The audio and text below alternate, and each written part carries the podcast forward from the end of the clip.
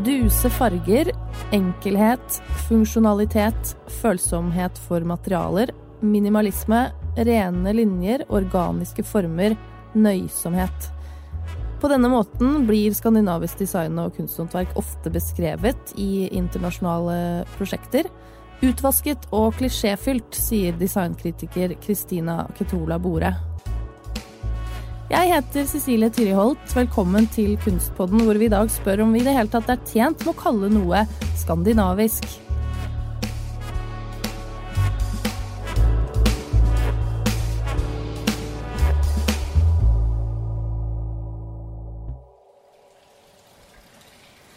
Designkritiker Kristina Kettola Bore har nettopp bidratt med en tekst til den skandinaviske utgaven av eh, tidsskriftet Kunsthåndverk. I teksten, som har tittelen 'Utfordringen med skandinavisk design', påstår hun at Scandinavian design ikke bare er et utvasket og klisjéfylt begrep, men at det også bærer med seg belastet tankegods. Dette skal vi høre mer om etterpå, men akkurat nå er vi på vei eh, inn til Vigelandmuseet. Eh, inn i utstillingen til eh, Åshild Bøtun som heter 'Piknik i grått', hvor hun viser en serie nye skulpturer. Ikoniske skandinaviske møbler fra modernismen er satt sammen med hverdagslige bruksgjenstander og elementer av natur. Men før vi går inn, så lurer vi veldig på om du kan beskrive modernismen. Hvordan var modernismen i designfeltet, Kristina? Ja, Modernismen eh, oppsto i starten av 1900-tallet og var en eh, filosofisk retning og en formbasert retning som baserte seg mye på sosialistiske ideer. F.eks. at alle skulle ha tilgang til designerobjekter. Og så hadde de en del eh, tanker om hvordan det skulle gjøres. da. De ville gjerne ha noen sannheter på plass om hvordan visuell form skulle se ut. Dette er sannheter som ofte ble skrevet av vestlige heterofile menn. Eh, man ønskte seg jo masseproduserte møbler som eh, alle skulle kunne ha i hjemmene sine. Ironien i dag, som òg Åshild Bøtun peker på, er jo at disse objektene har hatt, fått en mye høyere markedspris og ikke lenger er tilgjengelig for flere enn egentlig de øverste klassene i samfunnet. Skal vi gå inn og se? Ja, la oss gjøre det. Nå står vi foran eh, en lys beige sofa. Oppå den eh, treseteren så ligger det eh, noe som ligner på en, en mørkebrun trestamme med ru bark. Kristina, hva står vi foran nå? Ja, nå står vi og ser på en klassisk Hans Wegner-sofa. Og som du sier, så er det en stamme som ligger oppå. Når du ser det litt eh, langt ifra, så ser det jo ut som en trestamme. Og når du kommer nærmere, så ser du at dette er jo en etterligning av det naturmaterialet. Det er ikke faktisk en stamme. Det er heller noe som Bøtun har lagd i papir og litt pappmasjé. Kanskje det er litt gips i den òg. Eh, og det er jo det hun har gjort i denne utstillingen. Hun har skapt en serie skulpturelle tolkninger både av de designeromgivelsene våre og av naturmaterialene som har gitt opphav til de. Hvilken rolle spiller de, disse designikonene i utstillingen? Altså, De representerer jo det som Åshild Bøtun betegner som middelklassen. Eh, den delen altså av den norske befolkningen som har både finansiell mulighet og tilgang til disse objektene. Så på den måten så blir de en representasjon, både i måten som hun bruker de på, men òg i måten som de hentes inn i hjemmet. Eh, og Samtidig så parer det jo med konstruerte naturmaterialer og forteller oss at materialet er ikke lenger det samme, eller er ufarga av kvaliteter fordi at eh, vi har grepet inn. Og på denne måten så må jo vi òg spørre oss sjøl hvem er dette vi-et? Eh, hvem har tatt disse valgene, og hvorfor? Eh, la oss snakke litt om, om, den materielle bearbeidelsen. For det er kanskje dette mange forbinder med Bøtuns arbeider. At hun bruker eh, nye materialer til å lage noe som ligner på noe annet. Sånn som vi så med den trestammen, som ikke er en trestamme, men er laget i tre. Nei, ikke i tre. Den er laget i papir. Eh, I din anmeldelse så skriver du at eh, en utstilling som lener seg så tungt på materiell etterligning, står kontinuerlig i fare for å handle mer om materiell likhet enn å være kunstnerisk interessant. Hvor lander Bøtun, syns du? Vel, generelt sett syns jeg at hun vil akkurat klare å holde seg innenfor. Men det er noen verk som jeg syns kanskje blir litt i overkant eh, gimmicky. Som, det vi står foran nå, f.eks.? Som f.eks. det vi står foran nå. Ehm, det er et arbeid eh, som er lagd av en blomsterkasse, og oppi blomsterkassen så ligger det det som ligner på en eh, rosa Alf Lauren-skjorte. Og slipset som er grønt, har liksom blitt til en slags plante da, med mange slips som kommer ut av skjorta. Uh, altså, jeg syns rett og slett at det, er, det blir litt irriterende i forsøk på å være liksom en, en kløktig kommentar. For her går hun for en tongue in cheek eh, og ender opp med en litt sånn platte, platte vits. Så i dette verket handler det for meg litt for mye om håndverk og litt for lite om kunst. Ja. Nå står vi foran uh, en dekonstruert versjon av en uh, Ray og Charles Eames-stol. Og verket heter 'Adjusted Object Eames DSW'. Er det det det heter? Ja. Dette er en, eh, en, slags dekonstruksjon av en stol de fleste nok vil kjenne igjen. Det er en hvit plastikkskallstol med trebein som har um, i arbeidet til Bøtun blitt til en skulpturell representasjon mer enn en stol. Det er jo en stol som vi har sett mange ganger, som de aller fleste har. Mm -hmm. eh, men eh, hva, hva, kommuniserer det egentlig? At et, fylt, et, hjem er fylt av sånne skandinaviske designikoner som denne viser til? Ja, eh, altså nå må vi jo òg nevne da at eh, Ray og Charles Eames var jo amerikanere. Men har, eh, arbeidene deres har liksom blitt tatt inn i denne ideen om skandinavisk design. Mm. Um, men i dag så har dette blitt objekter som man kjøper for å vise at man har forstått noe. At man har det som en gang ble referert til som kulturell kapital. da.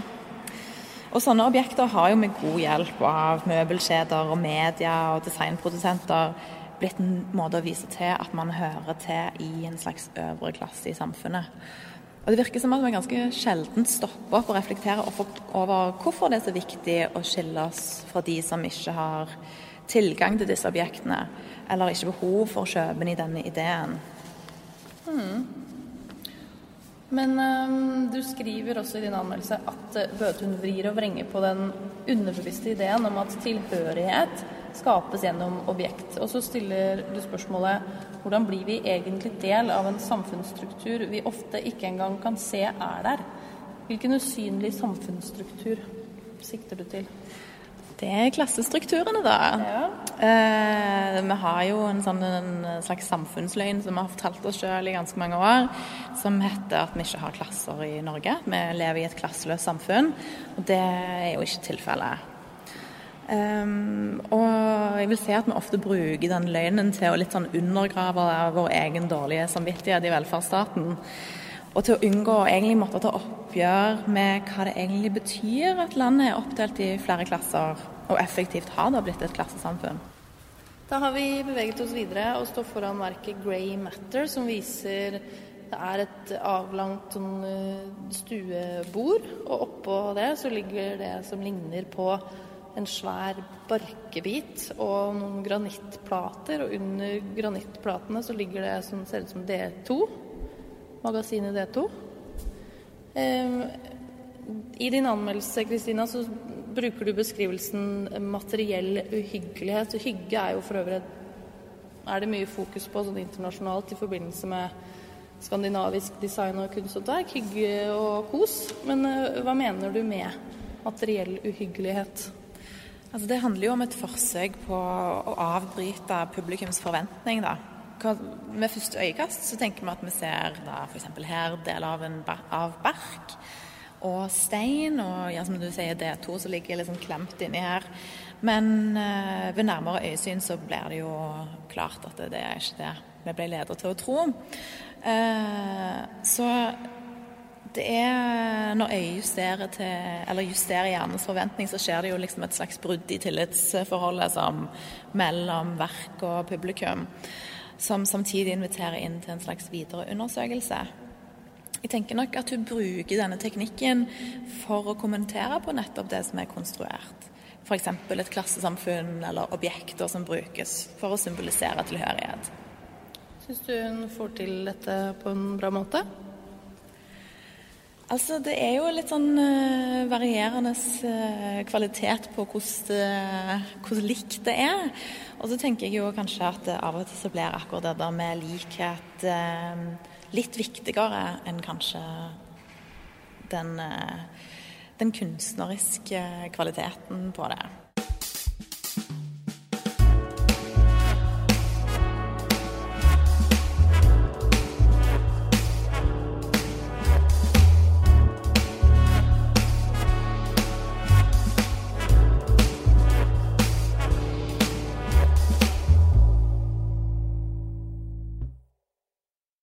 Har nå flyttet oss til eh, studio.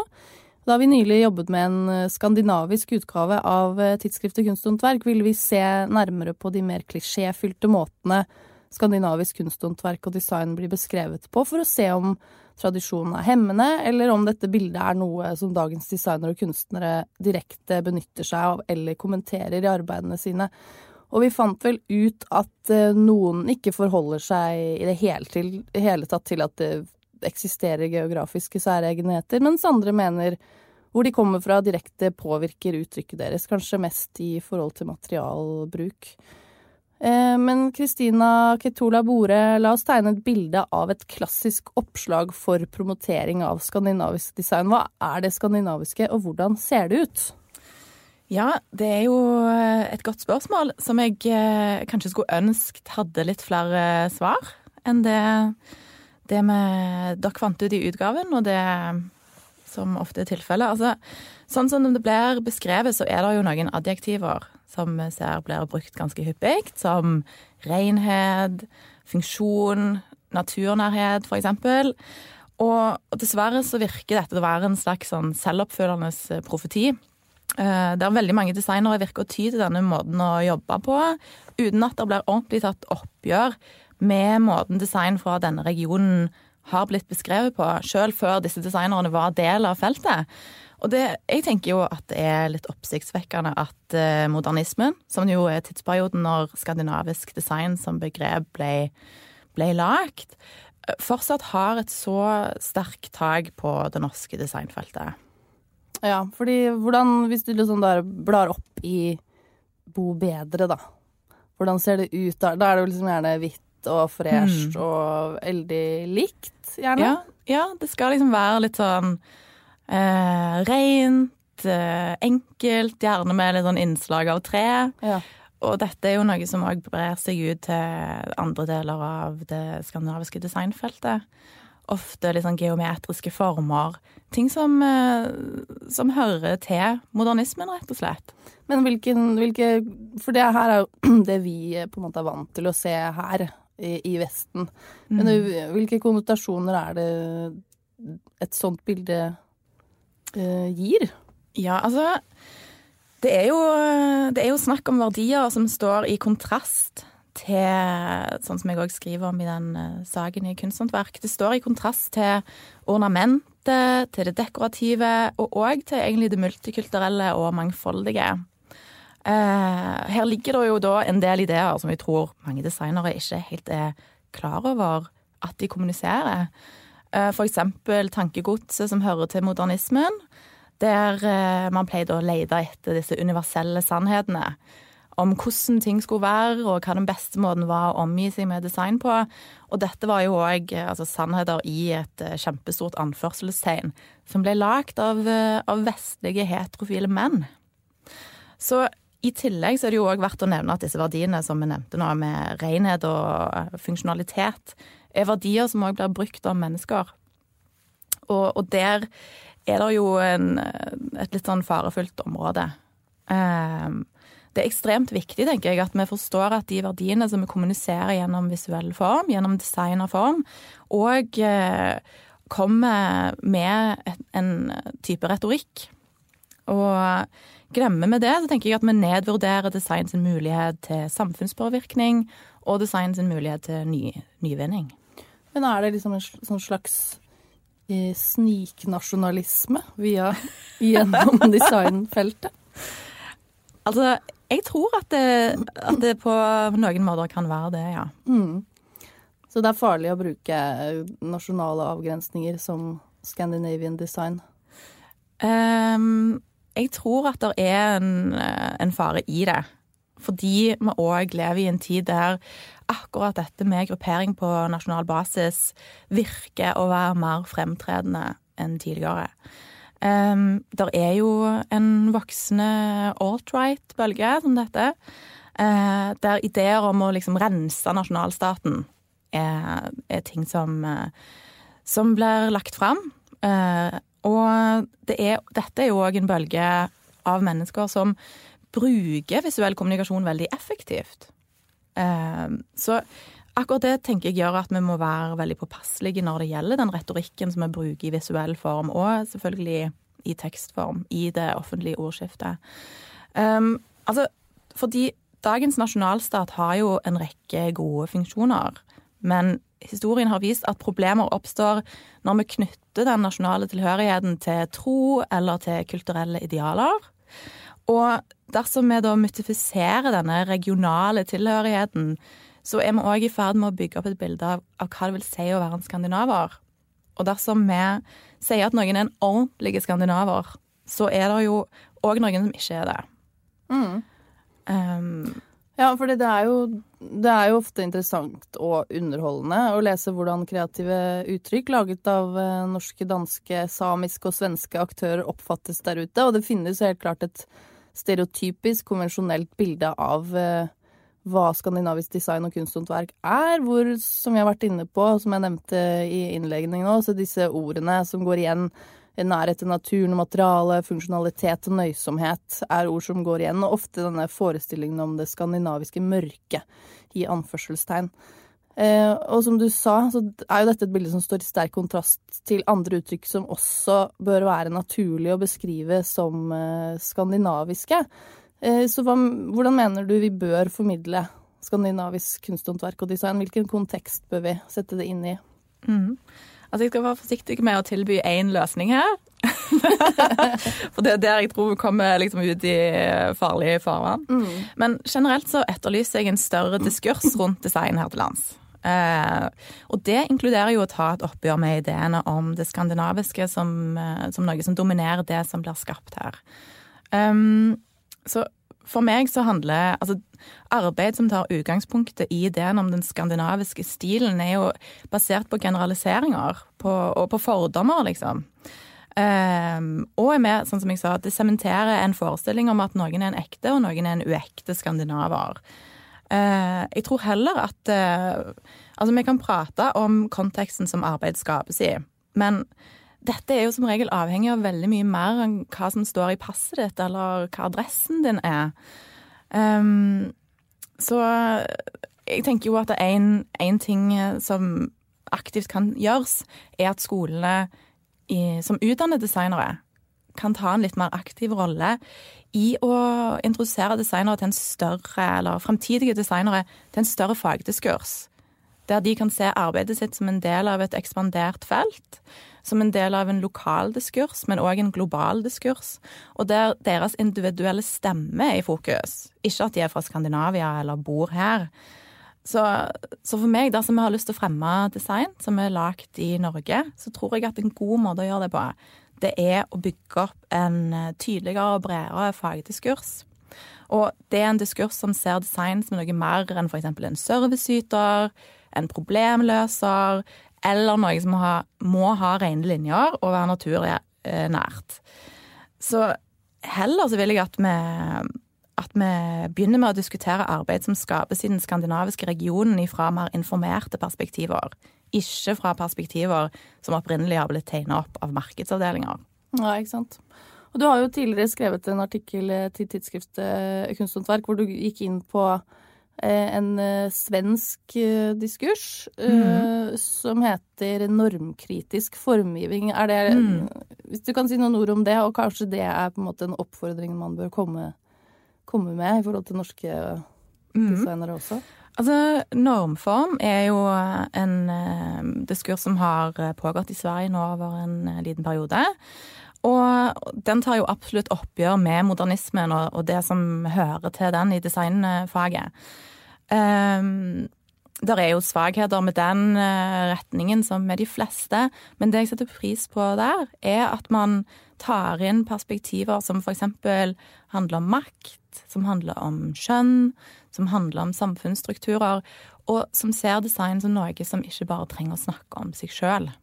Ja, og at det krever at man ser, eller har en kritisk blikk på hvorfor ting ser ut sånn som de gjør, og at det ikke nødvendigvis trenger å se sånn ut.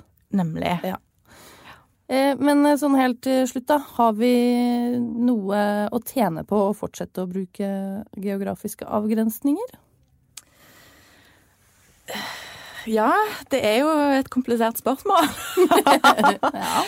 Jeg tror det er jo en veldig sånn pragmatisk ting her, og det er jo at det er veldig mange støtteordninger som funker over de nordiske landene, og som både kunst- og designfeltet benytter seg av. Uh, utover det så tror jeg at det, det beste er å jobbe ut ifra hvordan den individuelle designeren ser sin praksis, og prøve å trekke opp noen nye linjer istedenfor å bare dure videre med de som har vært der hele veien. Tusen hjertelig takk for at du kom eh, til studio, Kristina Ketola Bore. Takk for at jeg vil være her, Cecilie.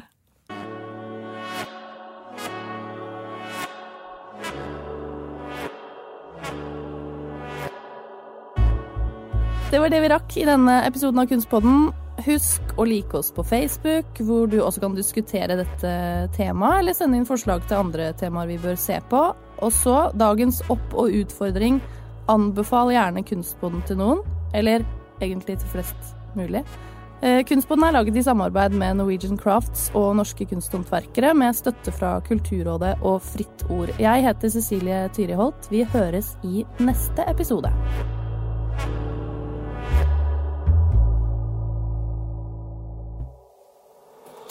Produsert av Rubicon.